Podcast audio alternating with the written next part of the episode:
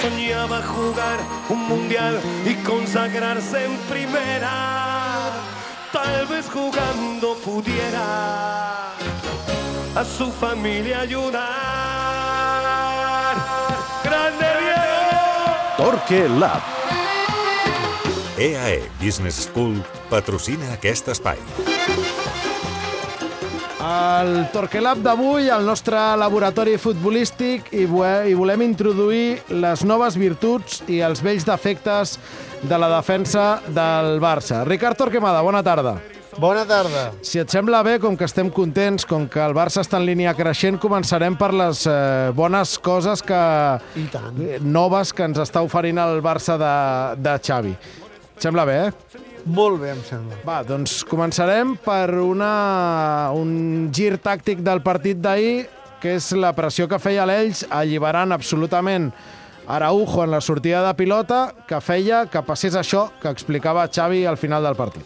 Potser és el futbolista que està millorant més des de la nostra arribada, perquè s'està atrevint, abans no, no, no tenia la intenció mai de, de conduir, avui era el jugador lliure. Ell o el Gerard havien de, de dividir, de fixar, i oita, hi, ha, hi ha moments que estava de, de mitja punta, ha fet passes a Pedri, passes a Aubameyang, canvis de joc, eh, bueno, l'exigim això, no? El central del Barça ha de fer, ha de fer aquestes coses, no? Però potser és el futbolista que està, que està creixent més en aquest sentit, no? sobretot en, en pilota. Sense pilota ja sabem quin tipus de futbolista és, no? dels millors del, del món. En pilota havia de millorar i està millorant molt, està agafant un pes importantíssim en el joc d'atac de l'equip i això és, és fonamental per ell i pel, i per l'equip. Amb Pere Milla i Lucas Boyer, l'un sobre Piqué i l'altre sobre Busquets, eh, com ha explicat Xavi, l'home que quedava lliure en un patró que no és nou i que estic segur que repetiran el que resta de temporada, és que el rival flotava Araujo, en teoria el pitjor jugador del Barça en la sortida de, de pilota. I, per tant, Ricard, és una magnífica notícia que l'uruguaià es vagi responsabilitzant en aquesta missió i, i que, a més a més, ho faci amb una relativa eficiència, com va passar ahir. Sí, sí, sobretot la intenció, que és el que li costava.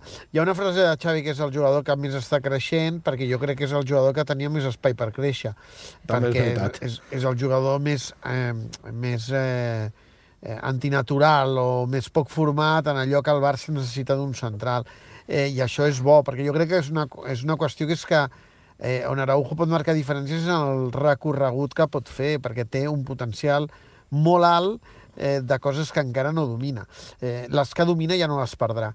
Eh, I aquesta de, de la, del moment de triar bé l'acció en pilota, eh, triar bé quan has de conduir, has de fixar, eh, quan has de canviar d'orientació, és a dir, la presa de decisions era una circumstància que Xavi havia denunciat en alguns partits i que hi van veure que Araujo assumia, com dius, amb molta responsabilitat. És veritat que va ser qui va més pes va tenir. Mm, En algun moment eh, de, de partit també és veritat que alguna pressió que hi ha a la seva banda i que Piqué també el van veure dividir i arribar a camp rival, però Piqué ho fa amb molta més fiabilitat perquè en la presa de decisions és més ràpid i probablement té més comprensió del joc, bé, probablement no segur, i també més experiència. Araujo encara està eh, fent els primers passes, però jo crec que ahir va fer un pas endavant de gegant. O sigui, ahir el vaig veure no només primer amb la valentia de dir sí, ho he d'assumir, no penso en mi, penso en el context col·lectiu, que és una cosa que Araujo ha, ha, de, ha de millorar perquè la seva naturalesa no va d'acord a la naturalesa col·lectiva de l'equip i per tant ell ha de fer aquest pas. Hi ha moltes circumstàncies també defensives on ell prioritza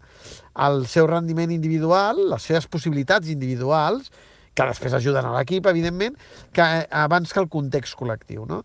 I ahir, en aquest pas, es va sacrificar. Ell va fer una cosa per la qual no està encara ben dotat, però que va resoldre amb molt bona nota. Jo crec que va... Ell, ell a mesura que els espais es van fent petits, es va ofegant. Ell necessita tenir sempre espais per defensar i per atacar. Aleshores, aquest moment de uh, progressar en pilota, arribar a la línia rival, sabent que en un moment donat algun jugador saltarà i que ha de trobar l'home lliure, eh, doncs no és fàcil. Tot i això, com deia Xavi, va trobar entre línies Pedri, va trobar alguna passada fins i tot a l'esquena de defensa Aubameyang, va canviar d'orientació i els canvis d'orientació tenien sentit, no com en algun altre partit on l'hem vist fer-los de molt lluny i gairebé per inèrcia. És a dir, jo crec que va fer un molt bon partit. Pot molt millorar molt, perquè, perquè encara, insisteixo, té molt potencial i està fent les seves primeres passes. Però ahir va acceptar la responsabilitat. Mira, avui hi havia una dada del Jordi Cardero, el company de Butrum, que deia que eh, va ser el jugador de l'equip que més metres va progressar en conduccions i passades. Més que Dembélé, més que, dic Dembélé, o Adama, -huh. més que els extrems, més que els migcampistes. El jugador que va avançar més metres en pilota, sigui per conduir o per passar, de tot el partit és Araujo, el que explica bé el que comentaves de la seva condició de mal lliure ahir. Dius que el creixement que té per endavant és, és molt gran perquè parteix d'un punt de partida inferior a la resta de companys. Amb 23 anys, aquest creixement és il·limitat o mai arribarem a veure un, un, un central que sí. direm sembla format al Barça? Jo crec que sí, que és molt jove, jo crec que ho pot fer, sí, sí. Eh, fixa't que ja dos o tres anys, no sé quants anys deu fer que està al club, tres, no, potser? Tres, tres.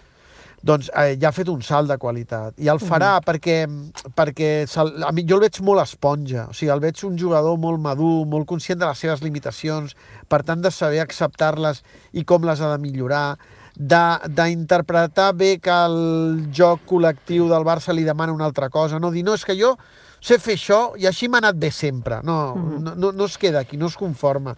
Jo crec que ho pot fer. I jo crec que l'estem veient que, que està millorant a l'hora de, de ser precís eh, en pilota, que era el primer, el primer pas, no? tenir un peu més dolç, i a poc a poc eh, va acompanyant de totes les, eh, les preses de decisions d'accions de, tècniques eh, notables. Eh, per tant, jo sí, jo estic convençut que, que pot créixer en 23 anys, eh, calcula si, si ho pot fer.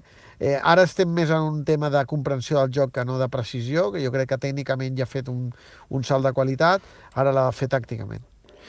Això per, per el que fa a l'apartat de coses positives i que és molt important perquè evitaràs la temptació que els rivals el deixin fer com deixarien llançar el llançador dolent d'un equip de bàsquet. En l'apartat negatiu, ahir novament explicitat pel partit, els problemes de fragilitat defensiva. Aquí la pregunta és, eh, Podem parlar de casos eh, concrets, de sospitosos eh, amb nom i cognom? Llegeixis Alves, que hi va passar un calvari amb, amb Fidel, o des del teu punt de vista és una qüestió col·lectiva que en aquest cas no vindria en absolut de nou? Mm, jo crec que és una suma de factors, no?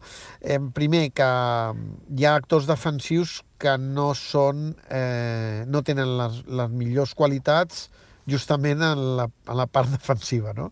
Parlo d'Alves i d'Alba, o sigui, són dos jugadors mm. molt especials. Sí, però ahir Alba se'n va sortir menys, menys mal parat. Vaja, segurament. Va, va cridar segurament. molt més l'atenció les dificultats és que veritat. tenia Alves a l'altra banda. I l'Elx va atacar molt més per la banda d'Alves, que és la que més va aprofitar.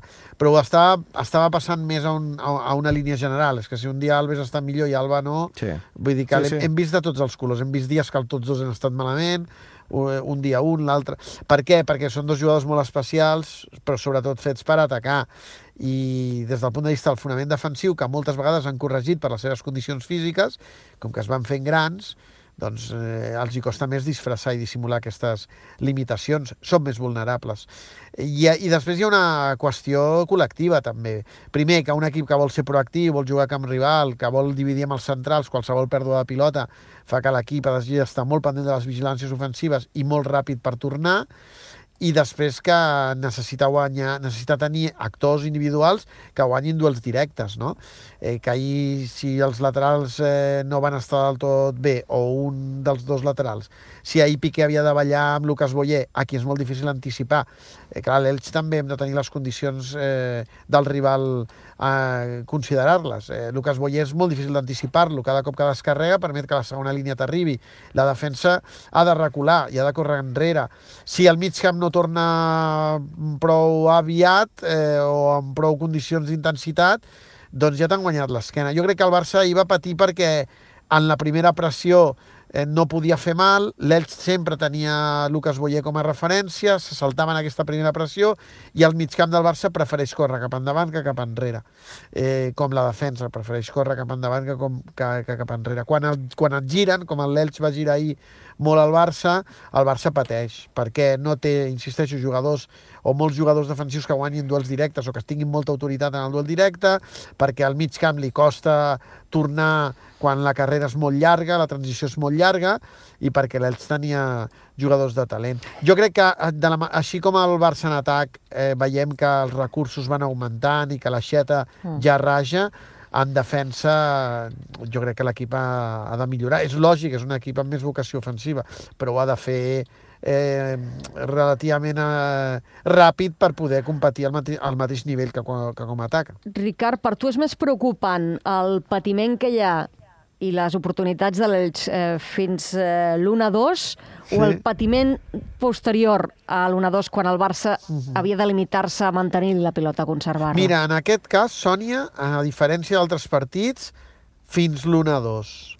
Perquè, perquè entenc que l'Elx, que, estava per, que estava guanyant el partit, i que quan et queden 5 minuts, marques el 83, eh, allà és molt difícil canviar la dinàmica del partit, quan la dinàmica del partit havia estat constantment que el Barça havia estat jugant a un ritme molt alt per intentar atacar, primer per guanyar el partit, mm. després per capgirar-lo.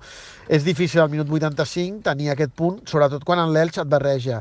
T'ajunta dos davanters com Ponce i Carrillo, més un per a Milla, més Fidel, és a dir, estava jugant amb quatre jugadors de molta capacitat ofensiva, per tant, a l'Elx li era relativament fàcil eh, fer un pas endavant. Eh, en el cas d'ahir, com que són tan pocs minuts, entenc que aquella situació, des, també des del punt de vista psicològic, eh, canvia la, gira la truita, el Barça té el punt que hem arribat a la meta, ara ens toca aguantar això, i l'Elx ara se'ns ha complicat, hem de fer un esforç de 5 minuts.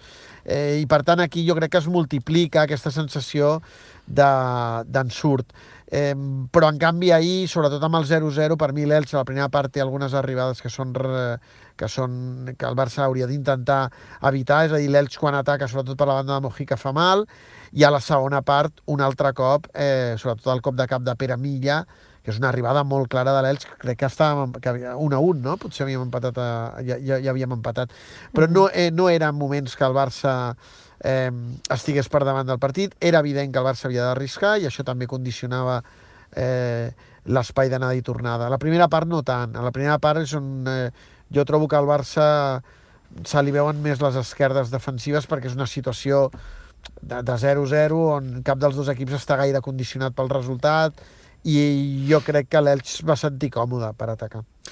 Doncs el Barça, que ha millorat eh, de manera exponencial els seus mecanismes i la seva producció ofensiva, però que, com veieu, defensivament algú encara té unes quantes llacunes, tant col·lectives com individuals, que ha de millorar amb urgència. Ricard, gràcies.